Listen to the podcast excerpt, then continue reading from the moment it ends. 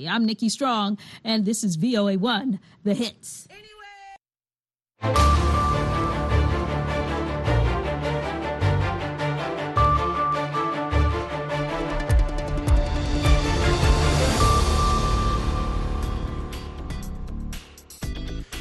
Halkani waa washington laantaaf soomaaliga v o a oo aad si toosa uga dhagaysanaysaan muujada gaagaaban iyo weliba qaabka qaar ka mid a efemyada geeska afrika iyo caalamkao dhan ood dhegaystayaal nagala socotaan boggayaga v o a somali com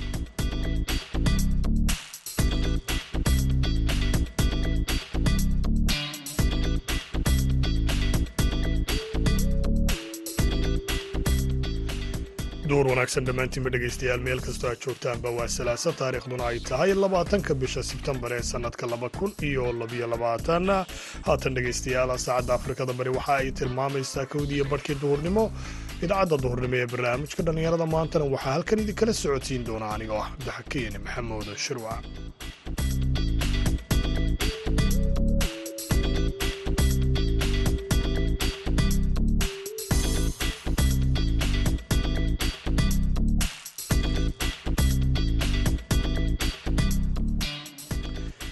shirwac qodobadaad idinku hayneed ku maqli doontaan idaacadda duurnimona waxaa ka mida wiil dhallinyaro ah oo muddo ku xayirnaa liibiya oo dib uga laabtay islamarkaana ka warbixiyey marxaladihii uu kula kulmay dhibaatada tahriibka.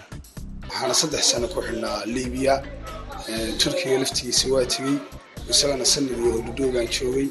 Marka waxaad moodaa maaragtay qofku markuusan maaragtay dhibaatadan soo arag kama dhaadhicin karti meeshu dhibaatay leedahay. Wuxuu ku dhahaya qaar ku dhahaya waa boqda waa iska soo laabatay qaar dhahaya haddaan noolaado waan noolaanayaa qaarba waxay ku dhahayaan. Sidoo kale waxaad maqli doontaa wiil dhallinyaro ah oo isaguna cilmi baadhis ka sameeyey amaba ku sameeyey aan idhaahdeen noocyada kalluunka soomaaliya ku jira heesihii iyo weliba ciyaarihii hase yeeshee marka hore dhegaystayaal ku soo dhowaada warkii dunida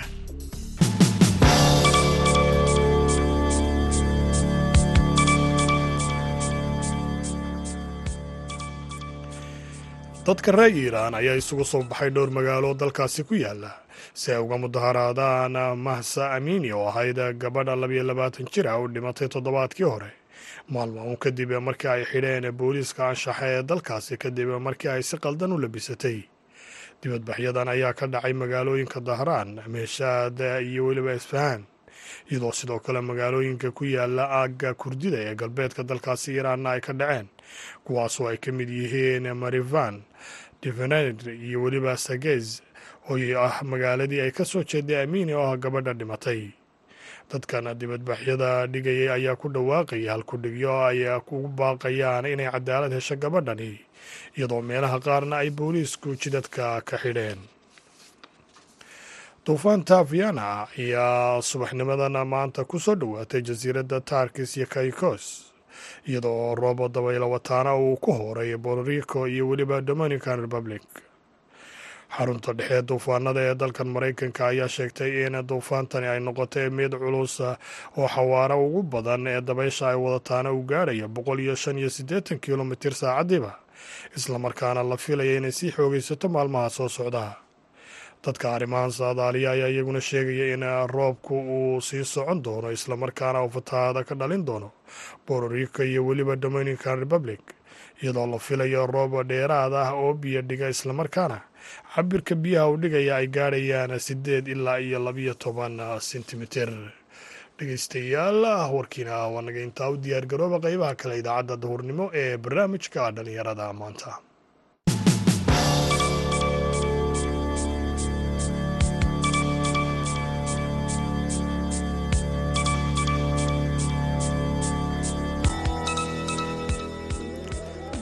wacna wanaagsan ayaan dhammaantiinba idin leeyahay dhegaystayaal. Meel kastoo aad joogtaanba.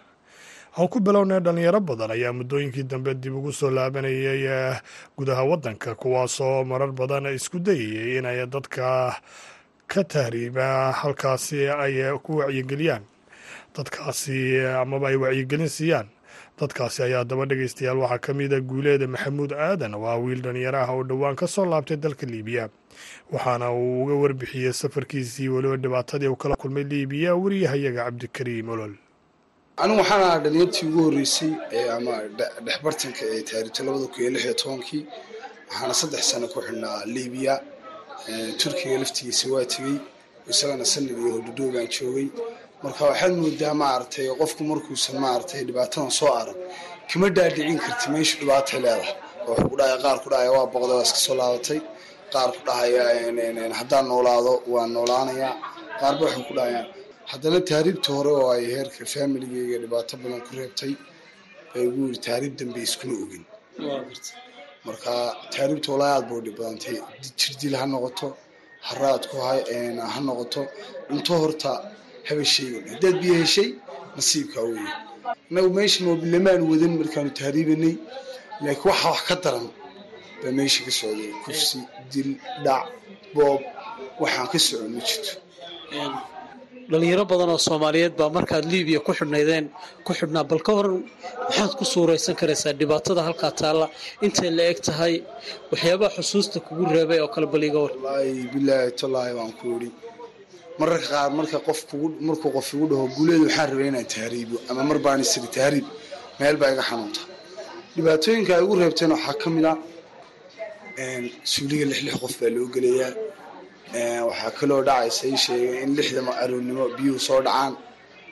Lixda maqribnimo ku xigta. Lixda aroornimo waxa lagu siinaya xaba roodhiya oo jajaban iyo in yaroo ii sheegay biyaa waxa kale ay sugtaana waa lixda maqribnimo oo lagu dhahayo khamse khamse u fadhiisto waxay meesha laga isticmaalo dhao khamse khamse in yaroo makaroonada meesha lagu soo gelayaa shan shan qof fadhiistaa lagu dhahaya biyaha markaa taga habeennimada maqribka biyaha taga ku xigta lixda aroornimanka waa gartay. Danka jirdiirka oo kale ma la kulmi jirin dhalinyaradu ha jirdiirka waa lala kulmayaa. Marka maaragtay lacagta hore aad u bixin weydo ama ii sheegay wax boodhqaad la dhahon wuu jiraa marka ugu horeysa dhingada lagu bilaabayo koronto way jirtaa tuumbo waxay isticmaalaan bahal la dhaho b b f oo hiitarka suuliga ku jirto. Marka saa la iskugu laabana caaga dhexdana bir ku leh marka iyo koronto in lagu qabto qofba qofkuu ka foodo weeyahay ma ku xogan yahay ama uu dee ka yara hilboon yahay daqiiqadaa loo qabtaa masikino hadda waxaa jirta mid yaroo dayax la dhaho ilaah ku naxariistee ii sheegay raxamar ahaa isaguu naga horreeyey safkaa noo ku jirna uu naga horreeyey.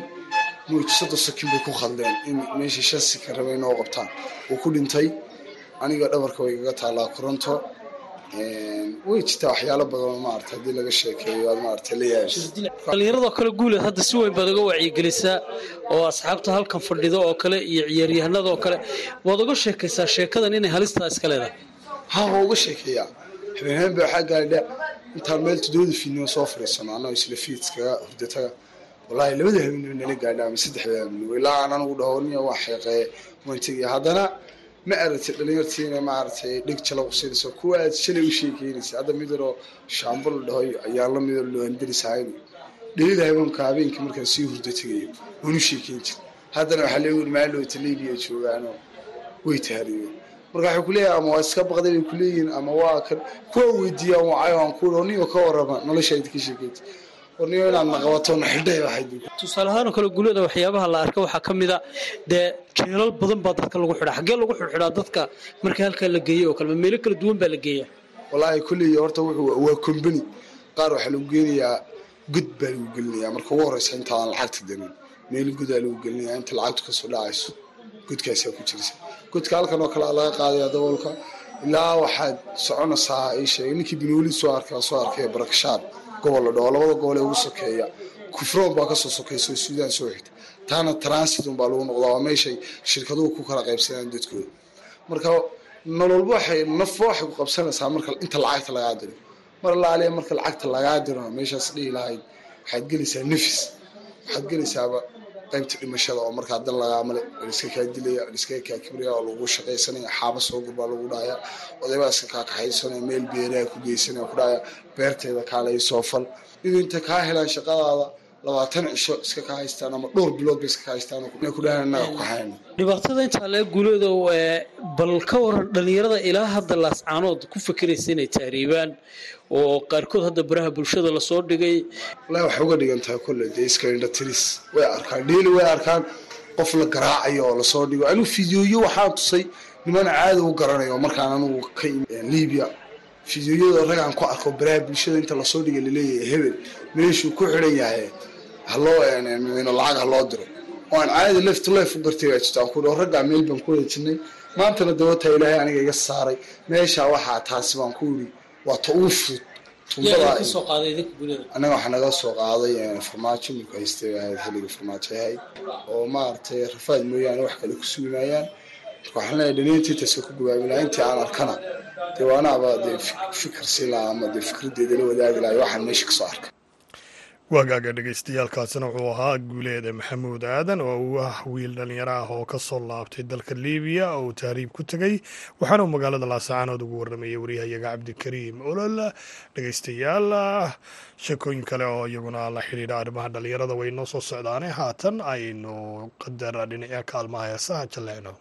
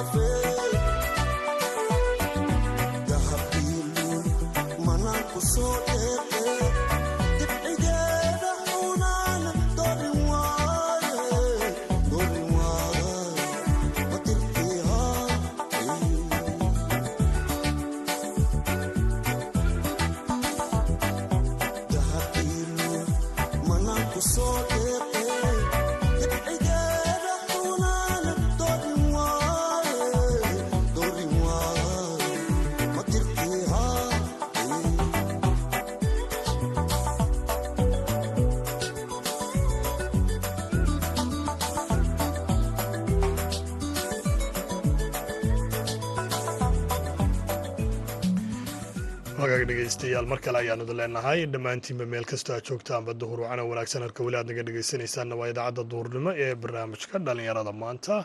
Haatanna boosaaso wiil dhallinyaraha ayaa soo bandhigay buugu ka qoray boqol iyo labaatan nooco ka mida noocyada kala duwan ee kalluunka ku jira xeebaha soomaaliya. Kadib xog ururin uu ku waday muddo sannada ah cabdiraxmaan cabdi cali ayaa sheegay inuu safaro badan oo dhanka xeebaha uu maray. Sidii uu wax badan uga ogaan lahaa noocyada kalluunka kadibna wax ka qoray kalluunka noocyadiisa kala duwan si looga faa'iidaysto. Waxaa la kulmay wariyahayaga yuusuf maxamuud yuusuf islamarkaana xog ururinta uu sameeyey ka waraystay cilmibaaris aan waday muddo ku siman adugu laba sano iyo lix bilood. Aan ku sameynaya noocyada kalluunka ee soomaaliya. Ayaan waxaan ka diyaariyay buug guide book ah. Marka buuggaas oo wuxuu noqonayaa wax ku qoran ilaa boqol iyo labaatan nooc oo kalluun ah oo ah kalluumada commerciaalka oo soomaaliya oo inta badan ee ganacsigalka ah. Marka buuggaas ayaan rabnay insha inaan bisha tobnaad insha allah soo bandhigno. Waaya maadaama khayraadka kalluunka badda uu aada u badan yahay yaa kaa saaciday marka noocyada kalluunka maadaama aad tahay nin dhalinyaro ah?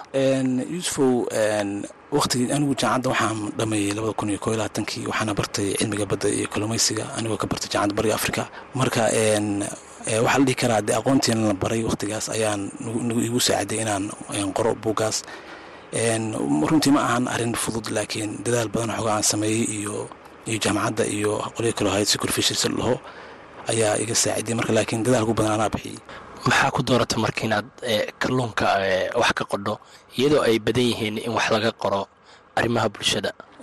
Yuusuf waxaa la odhan karaa markii adigu la eego bugaagta laga qoro arrimaha badda iyo soomaaliya oo aynu wada ognahay inay leedahay badda ugu dheer ee waddamada africa saasoo tahayna aysan jirin bugaag badan oo laga qoro. Haddii la qorona ay qoraan organizations ama luqada ingiliisha lagu qoro. Buuggan wuxuu noqonayaa buug ugu horeeyay af soomaaliya ku qoran ee guide boogka ama hage ah oo noocyada kalluunka soomaaliya ay ku qoran yihiin. Kalluun walba oo buuggan aan kaga hadlayona xog dhammaystiran baa ku qoran oo xogtaas oo ka mid ah oo waxaa ka mid ah kalluunkan deegaan badeeda ku nool yahay. Sidoo kale waqtiyada la kalluumaysto hababka lagu kalluumaysto iyo faa'iidooyinka oo kalluunkaas leeyahay. Maxaa noo sheegi kadhaa oo caqabado ah muddada dheer ee aad cilmi baaristan ku jidhay sidaad uga samayn lahayd kalluunka noocyadiisa kala duwan? Yuusuf caqabadu way iska badan yihiin maadaama maadaama ay ahayd marka ugu horreysay oo buug soomaali ah la qoro. Marka laakiin caqabado badan baa iga soo food saaray runtii laakiin in badan oo aan buugga aan soo saaro ayaa dadaal badan oo aan ku bixiya ayaa oran karaa runtii ayaa ii suurtagelisay sidoo kale caqabadaha waxaa ka mid ahaa bulshadu kuma baraarugsana oo markii magaalooyin badan oo xeebaha soomaaliya baan tagay markii lagu arko adoo sawiro ka qaaday kalluunka oo kalluunka identificationkasa baaraya waxaa laga yaabaa inay kula yaabaan oo ay ku moodaan inaad badad lacag ka soo qaadatay marka caqabado badan ayaa caqabadahaas baa ka ah runtii. Waxyaabaha ugu badan oo la oran karo way ka faa'iidaysan karaan bulshada iyo weliba dhallinyarada noocyada kalluunka maxaa ka mid ah af soomaali buu ku qoran yahay oo qof walba oo soomaaliya oo akhrisana wuu anfacayaa waxaan rajeynayaa in dhalinyaro soomaaliyeed ay ku baraarugaan khayraadka badda oo maadaama dee waddanku ay abaaro badan saameeyeen oo dadka waagi hore lagu tiirsanaan jiray xoolaha. Laakiin hadda in dhanka ay badda loo soo weecanayo ayay eg tahay. Marka waxaan rajeynayaa in buugga khayraad ku qoran iyo noocyada kalluunka ku qoran iyo sida loo kallumaysto ay dadku bartaan oo ay ka saacido sidoo kale waxay ka faa'idi karaan dhalinyarada soomaaliyeed in dadka soomaaliyeed ama dhalinyarada soomaliyeed ee waddanka wax ku barta ay cilmibaaris samayn karaan cilmibaaris heerkaas leeg ay samayn karaan oo waddanka ku saabsan. Marka waxaan rajeynaya insha alla inay tusaale iyo ay u noqoto dhalinyarada soomaaliyeed iyo dhammaan dadka soomaaliyeedba. Bal waxaad noo sharaxdaa noocyada ugu muhiimsan ee kalluunka ay bulshadu ka faa'iidaysan kadho iyo weliba waxyaabaha la oran karo ee bulshadu macnaha faham badan bay ka qaadan karaan ee khayraadka kalluunka badda. Yuusuf muddadii horta aan cilmibaaristan waday oo kalluunkan ku sameynaya waxaan identificationka xeebaha soomaaliya ka qaaday in badan saddex boqol oo nooc oo kalluun ah. Oo saddexdaa boqol oo noocba sawirada gacanteeda ayaan kaga qaaday oo identification raadiyay. Marka noocyo badan baa jira oo xeebaha soomaaliya laga helo. Waxaana ka mid ah hadda nooca tabadinka taraaqada haddaan taxo sidoo kale baalcasaha shoofaha qariibka saynuubta dabagucunka qurdubka afmuuska iyo libaxyo badan oo aad badan. Marka runtii kalluumadaas waayadan dambe qiimahooda aad buu kacaya. Marka in dad ku dhiiradaan oo ay xeebta galaan oo ay badda kalluumaysiga doontaan ayaan ku baraarujin lahaa. Cilmi baaristan aad ka samaysay kalluunka noocyadiisa kala duwan. Ma barbar socdaa dhallinyarada inta badan? Waxa ay ka hadlaan maraakiib badan oo xeebaha aada u jariifa. Marka noocyada kalluunka ay jariifaan oo kale oo waddamada caalamku ay aadka u jecel yihiin xeebaha soomaliya ka gurtaan buugaaga tafaasiil ma ka bixinaya? Haa dabcan kalluumada ugu badan ee hadda buugan ku qoran oo boqol labaatanka nooc kalluun waa kalluumo commercial ama kalluumada ganacsigalka oo kalluumaha ugu qiimada badan badda saan wada ognahay de kalluumo qiimo leh iyo kalluumo aan qiimo lahayn bay ku jiraan ama kalluumo la cuno iyo qaar la cuno. Marka boqol labaatankana waa kuwa ugu qiimaha sareeya adduunka lana cuno oo bulshadu isticmaasho. Sidoo kale xogo kale baa ku qoran buugga oo ku saabsan dee wadamadaas ajnabiga oo badeena xaalufinaya iyo kulmada ay inta badan baabi'iyaan. Sidoo kale waxaa cusmadan buuggan ku qoran buuggan inuu ku jiraan warbixino fiican ku saabsan kalluumada si yaraanaya wadanka iyo kalluumadan ay badan oo oo sustainableka oo si joogta loo kalluumaysan karo iyo sidoo kale kalluumada dabar go'ayo ay tahay in la yareeyo isticmaalkooda. Sida kalluunka loo yaqaano indhabuurka ama libaax indhabuur oo aada loo jariifo xeebahan gacanka cadmeed looga jariifo ayaa ku qoran in buugga in buugga wax warbixin ku saabsan oo sheegaysa in la joojiyo dowladuhu ay ku dhiiradaan inay joojiyaan. Waxaad ii sheegtay in buuggan qorshihiisa iyo muxuu ahaayey inaad wax ka barato ay ka soo bilaabatay jaamacadda bariga africa qeybteeda boosaaso. Marka door inteleg ayay ku lahaayeen macalimiintii maamulka jaamacadda inaad buuggan qodho. Mase kaa siiyeen turxaan bixin badan intaad qoraysa buuggan hadday ahaan lahayd ereyada iyo noocyada kalluunka. Ha dabcan jaamacaddu waa jaamacaddii aan ka soo baxay. Runtii sbiiska ama noocyada kalluunka aan garan waayo ama igu adkaada waxa iga caawin jiray jaamacadda si gaar waxaan ugu mahad celinayaa diinka kuliyadda marinka iyo marin scienska fisherieska. Mudane axmed maxamed cumar axmed maxamuud cumar. Sidoo kale waxaan rabaa inaan halka ugu mahad celiyo hay'adda security fisheries gaar ahaan maamulaheeda qeybta puntland mudane mustafe oo runtii iyaguna dadaal ila garab taagnaa muddadaas cilmi baarista waday waagaaga dhegeystayaaalkaasina wuxuu ahaa cabdiraxmaan cabdi cali oo ah wiil dhallinyaraha xog ururin ku sameeyey noocyada kalluunka ee soomaaliya ku jira waxaana uu warramayey waryahayaga yuusuf maxamuud yuusuf haatana dhegeystayaal ku soo dhowaada xubintii ciyaaraha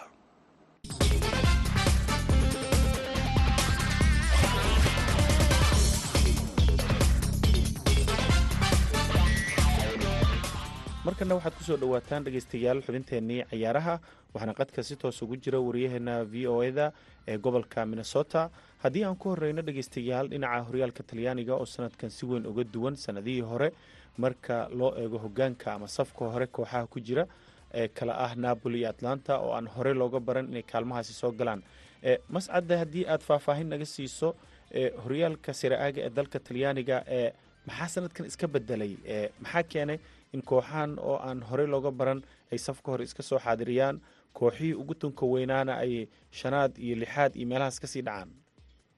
Run ahaantii saaxiib xilli ciyaareedku weli waa bilow toddoba kulan oo keliya ayaa la ciyaaray. Sida hadda waxay yihiin xilli kasta ay isbedeli kartaa laakiin waxyaabaha cajiibka waxaa ka mida in kooxaha kubadda cagta sida udinese atlanta napoli iyo lazio in dhammaantood kooxahaasi ay kaalimaha hore soo galeen oo weliba udinese iyo napoli iyo atlanta hal dhibic oo keliya ay u dhexayso kooxda napoli iyo atlanta isku dhibca yihiin udinesena kaalin saddexaad ay ku jirto. Marka waxaad moodaa kooxuhu inay isu soo gaareen waddanka talyaanigana kooxihii waaweynaa sida yuventus intermilan waxaad moodaa xilli ciyaareedkan in ay si gaabisa ku bilaabeen waxaana halkaasi ka faa'iideysanaya marka kooxihii yaryaraa oo fursad ka helay maadaama kuwii kale ay fursadihii lumiyeen islamarkaasina laga adkaaday yuventus oo kale. Waxaaba hadda laga hadlayaa in agleri uu shaqadiisa waayo oo ay suuragal noqon karto in shaqada laga yariyo maadaama kulamadii uu ciyaaray kooxdiisu ay ilaa iyo lumisay oo ay afar bareeja ah gashay hal marna laga adkaado laakiin mascadda ee kooxdan napoli la leeyahay waxaa moodaa inaysan dab yar shidayn oo sanadkan ay aada u abaabulan tahay. Maxaa ku soo kordhay kooxda napoli? Kooxda napoli sideedaba sanadihii la soo dhaafay waxa ay ku jirtay kooxaha kaalimaha labaad saddexaad ilaa iyo afarta kooxood oo ugu sarreysa kama aanay bixi jirin. Xilli ciyaareedka marka waxaad moodaa in macalinkuna uu cusub yahay sidoo kale ciyaartooy da-yar oo aada isu fahamsanna kooxda ay lagu soo biiriyey. Waxaa xusid mudan oo kale ciyaaryahanka la yidhaahdo khafija karvaskelia oo u dhashay waddanka georgia koob iyo labaatan sana jirahana in uu kooxda ku soo biiray toddoba kulan oo keliya ayuu ciyaaray. Shan goolna waa uu dhaliyey. Oo magaciisana ay adagtaa in la karo. Aad iyo aad kharafaskel qol walba siduu doono ugu dhawaaqa ciyaaryahan kale la yidhaahdo zambo angizia oo isaguna qadka dhexe ka ciyaara. Xidigahaasad waxaad moodaa inay kooxda isbeddel weyn ay ku keeneen islamarkaasina in ay kaalinta koowaad sidaa ku soo gasho. Weliba kooxda kubadda cagta ac milan oo koobkan difaacanaysa ayay gurigeeda kaga soo adkaatay. Weliba waa markii saddexaad oo isku xiga oo ac milan ay garaacaan weliba kooxda kubadda cagta ac milan gurigeeda ayay ku ciyaaraysay. Horyaalka si wada jira hogaaminayeen fursado badan ay heshay oo goolo ku dhalin kartay. Laakiin wiilkii diogo simeoni oo ciyaarta gadaal ka soo galay ayaa goolka guusha u dhaliyey kooxda kubadda cagta ee napoli. Xilli ciyaareedkan inkastoo uu bilow yahay sheekadu ay isbedeli karto xilli kasta. Laakiin guuldarooyinka yuventus intermilan iyo roma ku dhacay weliba ac milan oo hadda laga adkaaday waxaad moodaa in ay isbeddel badan dhinaca hogaanka ka keeni doonto. Waa gartay mascadde haddii aan ka gudubno dhinaca siriaaga haddii aad noo soo koobto kooxda arsenaal waddada guusha ayay dib ugu soo laabatay dhinaca ingiriiska inkastoo horyaalka kulamada qaar loo nastay ee aaska boqoradda. Arsenaal maxaa laga firi karaa marka dabcan arsenaal marka aad eegto xidigaheeda xilli ciyaareedkan sida ay ku bilowday guulaha ay gaareen aad bay u wanaagsan yihiin. Laakiin marka laga hadlo ciyaartoy ahaanta marka koob iyo tobanka ciyaaryahaan ee garoonka gelaya laga yimaado kooxdu ciyaartoy badan oo kayda ma haysato.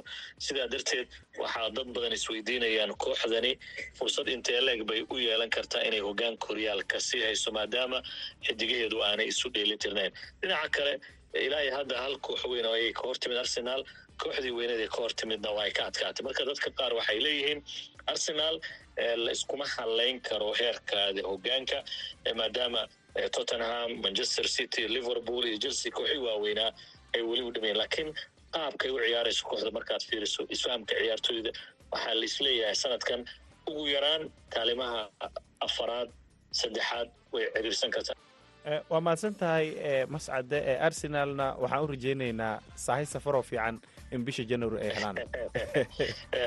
Manchester unitedna sidoo kale. Waa tahay xubinteennii cayaarahana waa naga intaa.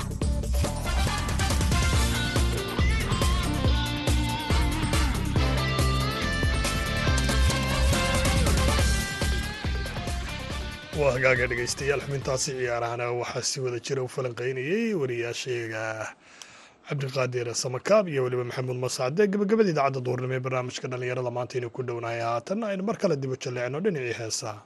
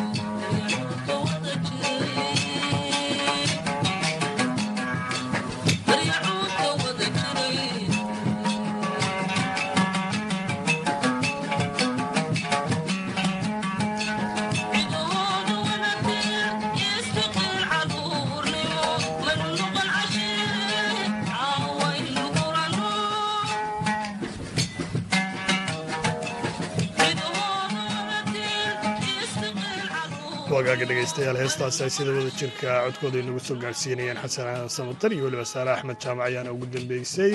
Idaacaddii duhurnimo ee barnaamijka dhallinyarada maanta tan iyo kulanti dambe waxaan idin heesaayo nabadgelyo